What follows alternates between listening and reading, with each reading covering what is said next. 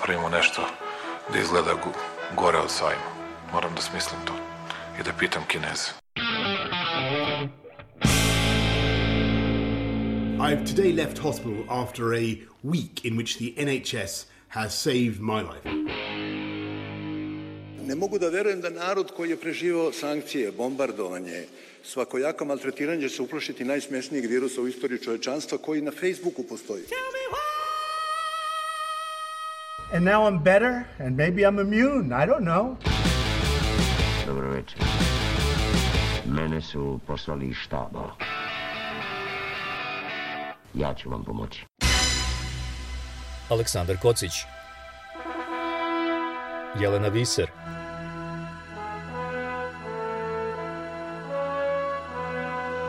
Radio Karantin Hronika istorije u nastajanju Dobrodošli u bonus izdanje Radio Karantina. Ja sam Aleksandar Kocić, a moj današnji gost je Jadranka Janković-Nešić. Ona je poznati beogradski PR za koncerte, novinar i DJ. Kao PR radila je neke od najvećih koncerata u Srbiji kao što su ACDC ili Metallica, odnosno festivale poput Beer Festa ili Zaječarske gitarijade. Pitao sam Jadranku kako će izgledati letnja koncertna sezona u Srbiji. Krenulo se dosta optimistično sad kako je došlo leto i kako je došao jun. Bilo da su koncerti mada manji u zatvorenom ili otvorenom prostoru. Dom sindikata koji se sad moderno zove ovaj Kombank Dorana je krenuo sa serijom koncerata nakon prekida. Verovatno se propratio onaj ceo haos kad je bila crvena jabuka pa su zabranili sve koncerte koji su bili zakazani. Oni su krenuli sa manjim koncertima u svojoj sali koja je kapacitet negde 1300 ljudi, ali može prodaš samo 500 ulaznica i da bude distanca između ljudi po dva sedišta, da nose maske i da poštuju sve mere predostrožnosti, ali su krenuli sa koncertima gde nije publika toliko aktivna od, bio je koncert Slobodana Trkulje i bit će Željka Vasića gde su neke unplugged varijante pa se ne očekuje da će publika da skače, da dođe ispred bine i tako dalje i oni par još nekih tu, tu ovaj, su imali kao manjih pozorišnih predstava. A što se festivala tiče, očigledno se to udruženje uh, zajedno sa, sa vladom Srbije dogovorilo da krenu sa uh, festivalima i faktički čekamo da vidimo kao verovatno i cela muzička industrija i na zapadu da li uh, će ljudi biti slobodni ponovo da uđu u masu, da li će uopšte postojati fan pit kao kategorija ulaznica ako se hipotetički budu, mislim, prodaju se i koliko je cela ova pandemija ostavila u stvari uticaj ili, ili negativan ono uticaj na, na fanove. S jedne strane možda očekuješ sindrom da će ljudi jedva hteti posle godinu i po dana nemanja koncerata da pohrle i da budu tu, pogotovo da će imati, preposledam, tu neko rasterećeno što su to festivali na otvorenom. Tako da automatski nemaš taj, taj verovatno strah od uh, zaraze i uh, već su eksperimentalni koncerti za koje znaš i sam da su održani u Evropi i u Španiji pokazali da se nije toliko ljudi zarazilo, čak i kad su bili svi u hali na jednom mestu, pa se ja iskreno nadam da će i ovi festivali to potvrditi. Međutim, niko od nas ne može sa sigurnoću da tvrdi koliko će to uticati na, na ljude i kako će se ljudi ponašati. Šta je za ovih godinu i po dana sve propalo? Šta je bilo otkazano veliko? Pa bili su otkazani svi faktički koncerti koji su zakazani od Nika Cave-a, Nika Masona, The Pixies, svih ostalih koncerata koji su bili zakazani što po Domu omladine, što po Kombank dvorani. E, ja se sećam da, da recimo radila sam PR za Irski festival i trebalo je da nastupi band Hot House Flowers na, u klubu Miše Reljića, ovaj, Bite Part Cafeu i najluđe je bilo što smo mi u hodu pratili tad je krenula faktički jer je njihov nastup bio zakazan za 13. mart prošle godine. Mi smo u hodu pratili šta se događa, ali tada nije bilo ni u Irskoj, ni u Engleskoj, ni kod nas tih nekih mera jer je korona tek krenula i rasprodale su se ulaznice za, za, za ono, bukvalno dva koncerta da bi se ispostavilo da su momci, već smo pratili, ali niko nije dao neku zabranu, momci su krenuli ka Beogradu. Stigli su do Hitrova, faktički iz Irske, i mi smo tada, je ovde bila varedna sednica vlade i najavili su total lockdown i ono što smo mi zvali interno policijski čas. Momci su se bukvalno vratili sa aerodroma sa Hitrova kući i taj koncert je bio otkazan. Tad je kao da je neko preseko sekir. Znači, mi smo do kraja želeli da održimo taj koncert, to i oni su pokazali veliko. Niko od nas, veliko razumevanje, niko od nas nije očekivao da će to odjednom tako biti. Verovatno je tako bilo i ovdje u Engleskoj i ovaj, od tada faktički nije uopšte bilo koncerata, onda je Kombat Brana krenula sa tim nekim koncertima da zakazuje i tako dalje, ali je tu opet krizni štab izašao i, i, i faktički ovi rekao da su koncerti zabranjeni, što se sve uh, usaglašavalo sa, sa brojem, nažalost, zaraženih i preminulih. I to faktički može da ti bude za naš posao dosta frustrirajuće. Mi smo ponovo u martu ove godine krenuli te neke koncerte u Kombat Dvorani i tako dalje, opet Irski festival i tad je bila recimo varijanta da možeš da radiš program u ustanovi kulture faktički i uh, konkretno Irski recimo festival je imao filmski program i izložbu na otvorenom i maksimalno smo prilagodili ovogodišnji program koroni da sve bude na otvorenom, da bude velika distanca, da budu mali ljudi mala, mali broj ljudi prisutan i sve kako to ide u parobrodu i faktički u kinoteci.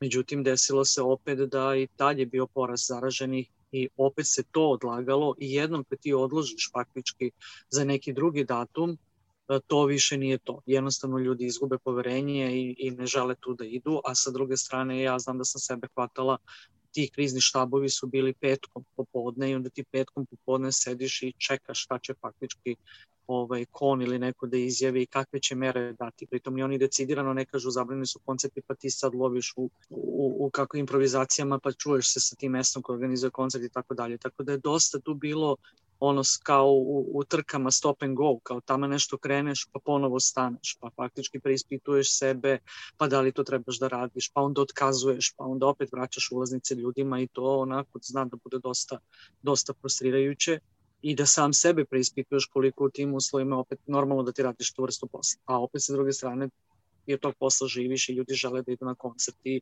računaš na tu neku odgovornost. Pokazalo se da ljudi koji su ipak bili na tim nekim koncertima su se apsolutno ponašali normalno i da je ta distanca opet kad u, u salu od 1300 ljudi pustiš samo 500, to je dovoljno, zaista dovoljno mesta da pod distance i da ako poštuju sve mere, maske i sve što treba, ono dezinfikuje se ruku na ulazu, onda to ovaj, možda nekako ima smisla. Ali mislim da će pravo opuštanje, ako ga ošte bude biti tek kada ovo jednom sve zvanično prođe i kada budemo, ako ošte budemo više mogli da se vratimo u nekom normalnom životu koju smo pamtili pre korona.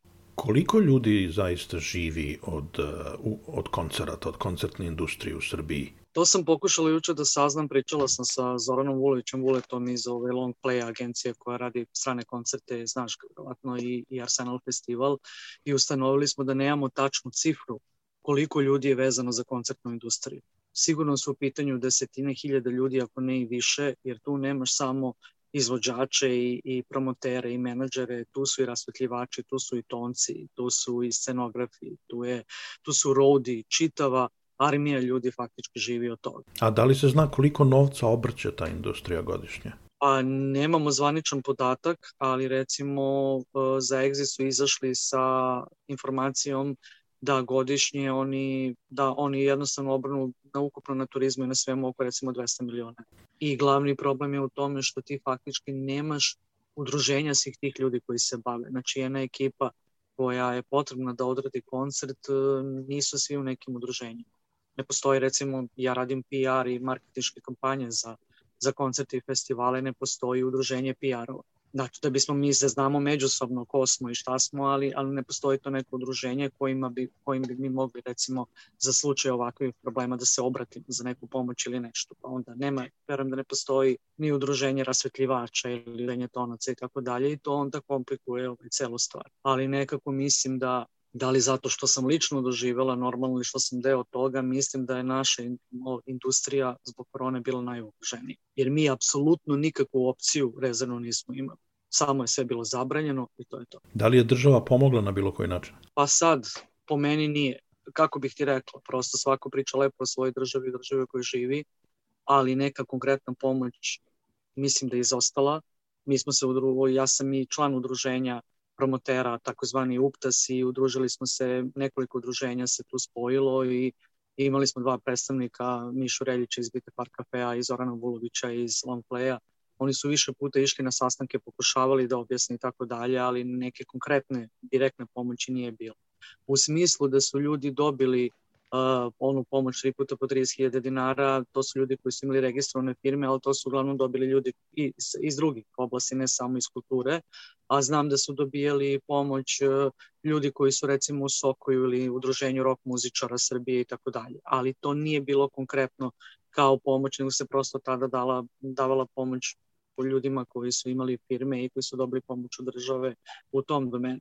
Međutim, koliko, koliko, su me oni upo, koliko su nas oni upoznali na tim sednicama koje smo imali i obaveštavali nas e, koliko god puta su išli i pokušavali da nešto urede, nisu faktički mogli da dobiju e, neki ono, pozitivan odgovor. Sa druge strane, ja razumem državu zato što je stvarno imala zaista gomilu problema, morali su da hendluju zdravstvo, zaista smo imali ono i, i veliki broj preminulih zdravstvenih radnika i, i preminulih ljudi i tako dalje i kapiram da u takvoj situaciji jednostavno država ne stiže da se bavi entertainmentom ili muzičkim biznisom ili tom nekom, što oni kažu, event industrijom, jer zaista ima druge sektore koje, koje mora da kanališ. Tako da prosto smo tu gde smo i, i mislim da je bitno samo da, da ono smo preživeli, da smo živi, zdravi, da možemo da nastavimo dalje, jer Ove, znaš i sam, izgubili smo neke divne muzičare, divne ljude i, i to je Miša Aleksić, Dragoljub Đuričić, Zaka Džemanov, dosta ljudi je nažalost preminulo od korone i onda kad, kad to vidiš, kad ostiš taj gorok ukus u ustima da ljudi koji si znao i s kojima si sarađivao podlegnu toj bolesti, prosto se nekako sam osjećaš razmaženo ili, ili sebično ako sad zahtevaš neku pomoć i ostalo u situaciji kad, kad je ceo svet faktički u, u toj situaciji. Korona je zaista ne samo u Srbiji odnela a, puno muzičara. I evo sad kad spominješ a, nove koncerte koji se planiraju i festivale, a, s jedne strane razumem da su muzičari pa i publika željni a, povratka na scenu, povratka u svoj posao. Da li postoji i strah?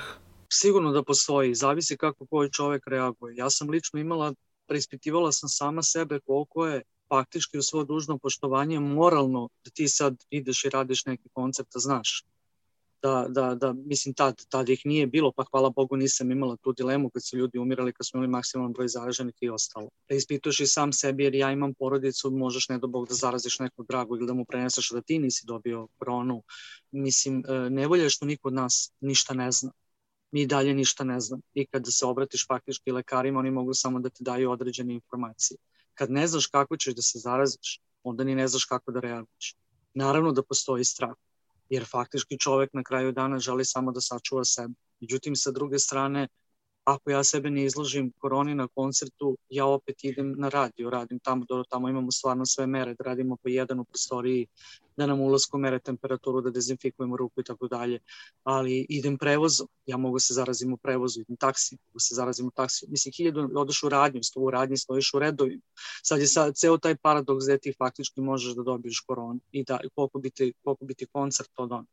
Međutim, ljudi koji se plaše, to je meni sasvim normalno da se plaše i ne treba ni da idu na koncerte. S druge strane, imam u vidu da ima gomila ljudi, pogotovo mladih naraštaja koji su suviše dugo u kućama, zatvoreni. Koliko sam videla zvaničan podatak, opet je Exit izneo da je uh, depresija među mladim stanovništvom porala 700%. To je jeziva cifra. I onda faktički ja, ja imam sina od 16 godina, koji faktički svoj Swiss 16 provodi sedeći u kući, online nastava, nema koncerta, nema izlazaka i tako dalje. To je pogubno za taj uzrast i faktički uopšte kada, kada mladi ljudi treba da žive, da izlaze, da se pravi i ostalo, to je nekako skladu sa, sa njihovim godinama, ne samo mladi ljudi. I onda prosto su i, i kada su donali odluku da, da se pokrenu ovi festivali, faktički su imali u vidu i to da prosto treba da da, da probaju da se protiv te depresije i sve opšte loše energije izbore time što će dati ljudima opciju da mogu pod kontrolisanim uslovima upravo da prisustuju ovaj koncertu. I, I to je neki ljudski kontakt, ti se tu ipak družiš sa ljudima.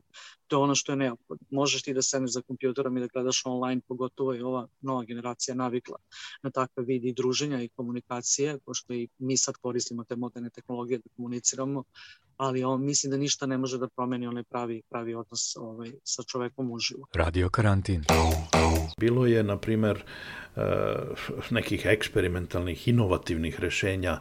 Bio je onaj eh, drive-in koncert gde su u Skandinaviji, gde, su, gde je publika sedela svaku u svojim kolima i slušali su na radiju izvođača kojeg su gledali na bini.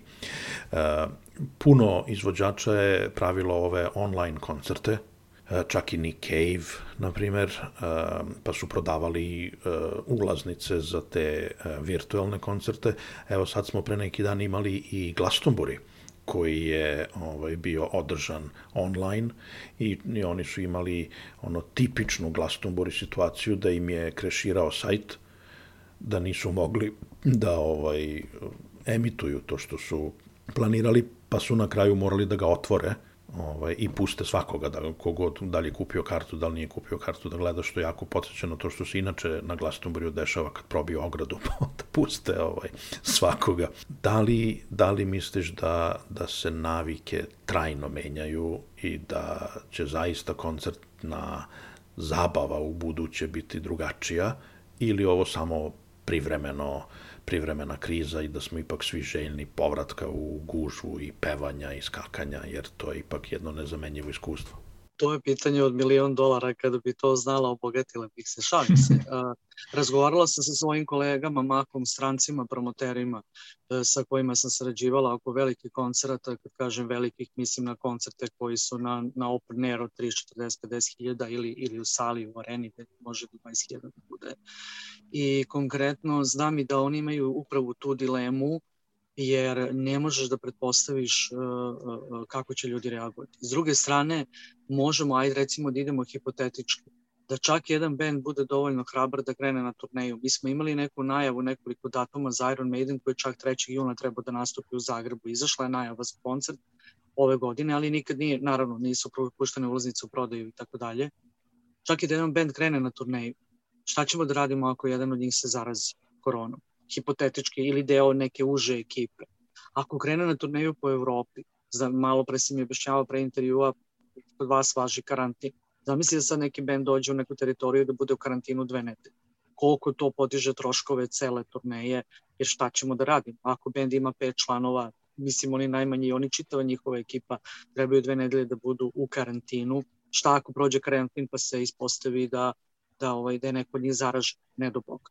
Znači sve se otkazuje, ti si već prodao ulaznice za taj koncert, ljudi su dolaze i ostalo. Drugo, koliko sam ja razumela, nemoj me držati za reč da je ovo zvanična informacija, ali ovde rekord sam shvatila da ni osiguravajuće kompanije ne žele dok ovo traje da osiguraju velike koncerte, jer ne mogu da garantuju šta se dešava.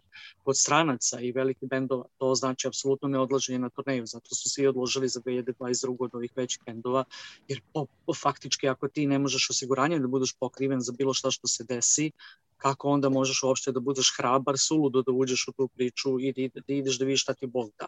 Znači, prosto ja mislim da, e, da li će se navike trajno promeniti za neke ljude, ja mislim da. Za neke ljude koji su izgubili neke, neke drage ljude, kojima ne do Bog umro član porodice, koji su osjetili tu koronu mnogo gore, e, nego, nego neko ko to nije prošao, mislim da on jednostavno neće više sebi dati šansu da, da ikada sebe na bilo koji način ugrozi, pa makar to značilo život bez koncerata. Za druge ljude je to čekamo da prođe pa povratak na start. Um, ja sam pratila to što si ti govorio, faktički te online koncerte i te eksperimentalne varijante sa gledanjem iz kola i tako dalje, ali mislim da ništa ne može da zameni onu razmenu energije kao kad band stoji na bini i publika ispred bine i kada oni u toku svirke ono uživaju prosto i, i vrše tu razmenu pozitivne energije. To je neki, to, ja mislim da to i cilj jeste live koncerta. Možemo mi isto to da gledamo online na kompjuteru ili na mobilnom telefonu. Hvala Bogu, tehnologija nam sada dozvoljava da bi si možemo gde god da budemo, mi možemo uključemo mobilni da pratimo Glastonbury. Recimo, ako želimo, uh, pošto sam isto za ovu teritoriju radila onaj humanitarni koncert koja Metallica napravila isto online, oni su čak dali mogućnost da kad kupiš ulaznicu 48 sati ti gledaš u terminima kojima tebi odgovaraju. Znači ne moraš da gledaš prime time ako radiš ili ti ne odgovara zbog razlike između Amerike recimo i Srbije. Znači opcije su mnogobrojne, ali prosto to nije to po meni, koja sam radila koncerti ceo život, meni koncerti sastavni deo života i pre nego što sam radila PR, ja sam išla na koncerte, radila intervjue i tako dalje i uvek sam bila gladna tih koncerta i festivala. Meni, to, meni je to jedina prava stvar. Isto je pitanje kako ćemo mi živeti nakon korone. Da li ćemo se ikada više vratiti na onaj stari život koji smo imali ili je ovo neka naša nova realnost. Mi, ja prva romantično verujem da ćemo se vratiti na, na način kako smo nekada živeli. Radio karantin. Kad pričamo o najvećim koncertima, o stadionskim koncertima, ako izuzmemo festivale, stadionski koncerti dalje e, su popularni, ljudi idu, obrću se velike pare, ali to su samo izvođači iz 20. veka. Stadione pune Springsteen, Roger Waters, Rolling Stones i U2. Zašto više, zašto nema novih bendova koji mogu da pune stadione? Pretpostavljam da je to zato što ni promoteri neće da ulete u rizik da bukiraju novi bend koji faktički ne može da im omogući siguran ovaj, prihod kao što to mogu ikone iz 80-ih. A, a opet nije baš, pazi, ako kažemo stadion, ja mislim da pune recimo bez problema Coldplay, koliko sam informisana, da puni recimo uh, Foo Fighters isto odlično dobro prolaze i tako dalje. Znači imaš ti uslovno rečeno... isto bendovi iz 20. veka. Jesu, da, kad pogledamo jesu to bendovi iz 20. veka, ali mislim da, da, da ne budem sad uh, cinična, uh, gledam ono što sluša moj sin koji je tinejdžer. Mislim da, da novi bendovi nemaju toliko ni pretenziju da pune stadion da su se možda rodili u vreme kad su se rodili Springsteen, Stones i ostalo, možda bi drugačije posmatrali celu, celu tu neku scenu. Za recimo današnje tineđere u svo dužno poštovanje su Stones i dede. Šta sad hoćete, dede ponovo idu na koncert i tako dalje. Oni nemaju taj, e, taj e, kako se zove, e, osjećaj vezan za muziku koju mi imamo. Oni imaju sve na klik, preslušavaju sve na YouTube-u, tako preslušavaju muziku, nemaju ono idolo pokonstvo koje tvoja moja generacija imala kad smo jedva čekali da neko donese ploču iz inostranstva, pa je otvorimo, pa gledamo omot, pa preslušavamo zajedno, pa pravimo žurke i ostalo. Njima je muzika dajđestovana i jako dostupna.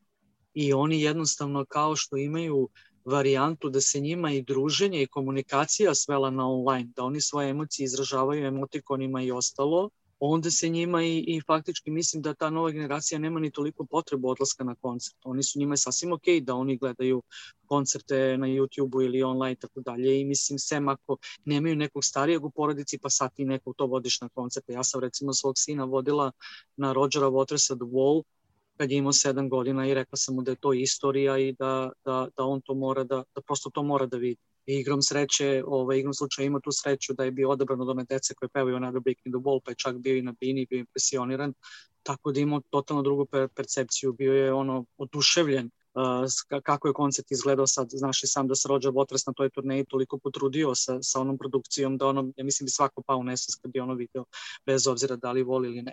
Ali mislim, znači, ja mislim kad bi to, ili sam matori hipik, pa ovako rezonujem, kada bi ti e, toj mlađoj generaciji e, nametnuo ili na neki način približio taj kult odlaska na koncert i objašnjavanja koliko je to bitno i druženje i tako dalje i kapiram da bi oni prihvatili. Međutim, sa druge strane, e, ni muzička scena nije kriva, ti bendovi sigurno da imaju negde pretenziju da bi volili da pune stadione, ali ni jedan promoter neće rizikovati da sa nekim mlađim bendom i, i novim bendom kad ima siguricu sa Springsteenom i, i Stonesima i Rogerom Vortesom koji su, hvala Bogu, još uvek aktivni. I nažalost se muzička industrija, da se ne lažemo, svela na, na, na, na interes ili na novac. Što je rekao pokojni Lemi onog trenutka kad su bankari ušli u, našu, u naš biznis, sve je otišlo dođevo. On ih zove Siuci kao dela, ajde da prevedemo bankari Znači tu ja to posmatram sa emotivne strane i volim koncerte i kao što sam rekla glavna sam muzike uvek bez obzira koliko sam gledala, ali tu je vrlo čista računica kada se planira neka turneja. Prosto sednu menadžeri, sedne band, sedne osiguravajuće društvo, naprave prostu računicu i shvate koliko bi trebala da bude ulaznica i da li im se to isplati ili ne. I u zavisnosti od te isplativosti tako turneje i kreću tu i tamo budu neki izuzeci kad neko napravi u nekom malom klubu, Aerosmith na, ne napravio marke u neki manji koncert, pa to je napravio iz imiča, jasno ti da može da proda stadion, ili ne znam, Foo Fighters su došli svoje vremeno u Pulu na koncert, ono, da to, to se uradi nekako, eto, kad neko ima tu lucidnost, pa želi da ono, napravi neki koncert pore radi. Ali u većini slučajeva to su vrlo, vrlo precizno ovaj, i, uh, izračunate uh, rizici, dobici i ostalo strane računovođa i zato, nažalost, mi već zadnjih par godina nevezano od korone kaskamo za tim velikim koncertima, pošto su ulaznice uh, za svetske koncerte za naš standard postale preskupe. Znači, faktički kod nas zaista za bilo kog izvođača ako staviš ulaznicu veću od 30 ili 50 evra, to je za naše ljude previše. Da krenu dvoje iz porodice bez piva, bez parkinga, bez ičega i tako dalje. Dok je recimo na zapadu sasvim normalno da ulaznice idu od 100 evra pa nadalje. Tako da, da, da smo mi tu izgubili tu neku tržišnu utakmicu i zato se većina naših promotera uzdržava od bukiranja tih velikih bendova i zato ti kod nas nemaš Springsteena, nemaš svirke i, i nismo mi toliko imali stadione koliko smo imali Ušće i Kalemegdan zato što to livada pa ti, misli, zvuči glupo, ali lakše ti da napraviš ovaj, infrastrukturu i, i faktički dok stadion on opet vuče sve neke varijante. Mislim, javna je tajna da, da recimo ne možeš da praviš koncerte na zvezdinom stadionu zato što onaj tunel kojim izlaziš na teren ne može da prođe kamion. Pa bi sve moralo da se nosi preko, preko ove ovaj, tribina. Zato smo mi sve veće koncerte. Ja sam radila pija za ta oba velika koncerta za Metallica 2004. i ACDC 2009. radili na Partizanovom stadionu. A i tu smo morali da angažamo dizalicu koja će faktički opremu da prenese na, na travnati deo. Tako da mi nemamo tu infrastrukturu rešenu, pa onda nekako najlakše što mi interno zovemo livada da uzmeš ušće ili kalemegdan pa da ogradiš pa da napraviš infrastrukturu, ali to sve zahteva, to su sve ogromni troškovi da bi podelio na, na ulaznice za, za naše koncerte. Mislim da nažalost kod nas promoter napred gubi novac ako uzme tu veličinu benda. Prosto nema načina da ga vrati, a sve manje sponzora, nekad su pivore bile veliki sponzori pa su mogli, ovaj, pa si nekako mogao da probaš da bypassuješ uh, uh, to sa sponzorstvima, međutim i sad nema kakva ekonomska kriza, nema više ni velike sponzorstava, a da mhm. čisto podeliš cenu ulaznice na, na samo honorar benda ne može da se pokriješ I, I nažalost smo mi da se ne lažemo osiromašili kao društvo i onda faktički nije ovo sve gramatički pravilno što ću reći, ali kada nema za hleba, nema ni za igara. Znači, faktički ako čovek, druga ta srednja klasa kod nas je i venčala se i dobila decu i tako dalje. Sad ako tebi treba za dete, za patike ili za knjige i tako dalje, ti ćeš naravno sebi osjeći ono što ti treba, pa i ne moram da idem na taj koncert gledati. Uh, s druge strane je dirljivo koliko ljudi za bendove koje vole bukvalno odvajaju od usta da bi došli da kupe ulaznice. Recimo, ja sam gledala kad smo radili White Snake, tu sam radila sve kampanje sem na prvom koncertu 2006. godine, dva benda se uvek ovde odlično prodaju White Snake i Iron Maiden. To je prosto idelo po koncertu. I uh, kada sam gledala White Snake koncert, shvatila sam da je mnogo više ljudi dolazi iz provincije nego iz Beograda prosto da gledaju, znači to je Kragovac, to je Niš, to je dolaze, čak i dolazi i Republika Srpska i Bosna i ostalo, znači opet to nije zanemarljivo, pogotovo ako praviš koncert zimi čovjek mora, ako dođe čovjek iz Niša na koncert, on mora negde da prespava, on mora da ostane ovde, ne može da se vrati. Ima, ima tih organizovanih prevoza, pa se tako ljudi snalaze, što neke agencije naprave organizovan prevoz Niš, Novi Sad, ali to je samo iz većih gradova, nije nažalost iz manje. Ili se potrpaju njih četvorica u kola pa dođe i tako dalje, ali leti ako traje koncert i možeš da izgledaš da sediš negde na klupici u parku La La La pa do jutra do prvog zvaničnog busa da se vratiš negde. Ali zimi, ako je sneg i ako je oštra zima što znalo da bude, to onda znači da bude problem. Što sve onda podiže taj neki, neki trošak. Tako da, a opet imaš i kod nas u srednju klasu koja odreaguje mislim i, i dobro na neke, recimo radila sam otporu Belgrade Calling Festivala Simply Red koncert, tu smo imali raspada Tašmajda kao stadion koji prima negde oko 10.000 ljudi i tu su karte planule, te su ulaznice planule, zato što kapiram da je Mick Hacknell gađao tu srednju stariju ekipu koja može sebi da priušti, koja radi i tako dalje, e sad moja žena, ja idemo na koncert i tako dalje. Međutim, i tu sam pričala sa ljudima koji, koji su moji godina, koji su imali dilemu da li da sad žena i ja idemo na Simply Red ili da damo klincima za exit jer je exit bio blizu tom koncertu. Znači tu imaš dileme faktički šta su liste kao prioriteta i zato nekako ćemo mi uvek u Srbiji, nažalost, da čas izuzecima kad smo imali Beyoncé na ono, vrhuncu karijere, kad smo imali ovaj, Rijanu i tako dalje, evo Metaliku i to, mi ćemo uvek videti te neke uslovno rečeno starije bendove kao The Cure, kao White Snake, kao Iron Maiden i tako da Deep Purple bendovi koji su već uliko bili. Zašto? Zato što su cifre, što znaš verovatno i sam, za Arianu Grande ili za nekog tako jednostavno nenormalno. Ako je prosek cifre honorara jednog takvog svetskog izvođača negde oko 2 miliona dolara ili evra, kako ti to ošte možeš da rasparčaš na ulaznici u Srbiji? Nikako. I onda jednostavno promoteri neće da uđu te rizik. Kada država stane iza tebe, faktički ko kad je bio Robbie Williams i tako dalje, onda nekako možeš na tom državnom nivou da probaš ili kad Exit dovede velike zvezde da, da, da jednostavno da se u startu pomiriš sa tim da gubiš novac i da će ni negde možda biti nadoknađen ili da ćeš barem biti na nuli. i to je naša najveća noćna mora. Svi mi koji radimo te pogotovo velike koncerte, bez obzira da li si ti plaćen ili nisi pla, mislim plaćen si, ali ne zavisiti od toga da li je koncert rasprodat ili nije. Najveća noćna mora je ako ti karte stanu ili ti, to je ulaznice i ne idu i ostalo, da li će promoter biti na kraju, na, barem na nulu, da ne izgubi novac. Jer ako izgubi novac, tebi već jasno da sledeći put će već mudrije ući, ući u tu priču ovaj, ka, kada, kada tako bude gledao. Pogotovo što kažem, nemamo više sponzora koje što smo imali ranije, smo imali pivare koje su mogle bitno da učestvuju u jednostavno finansiranju, međutim i one imaju isto blizu, imaju prioritete, recimo ne, pivara. I tad je su sponzorisale koncerte sledeće godine na, na globalnom svetskom nivou, oni dobiju da je prioritet su, nije više su koncerti, nego je sport pa onda sledeće godine prioritet ekstreman sport i onda oni jednostavno te budžete ulažu ono što im je na, na globalnom nivou su sugerisano kao prioritet, tako da ti faktički ne možeš da računaš na, na to neko sponzorstvo da će ti izvući.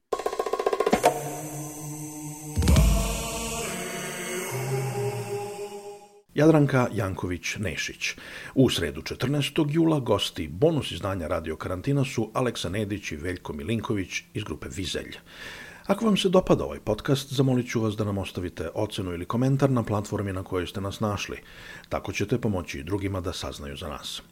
A naš rad inače u potpunosti zavisi od vaših donacija. Svaka pomoć i ona najmanja znači nam puno. Možete nas podržati stalnom, mesečnom ili godišnjom donacijom na platformi Patreon ili jednokratnom uplatom preko Paypala. Linkovi za uplate su na našem sajtu radiokarantin kao jedna reč.eu. Čujemo se. Aleksandar Kocić Jelena Viser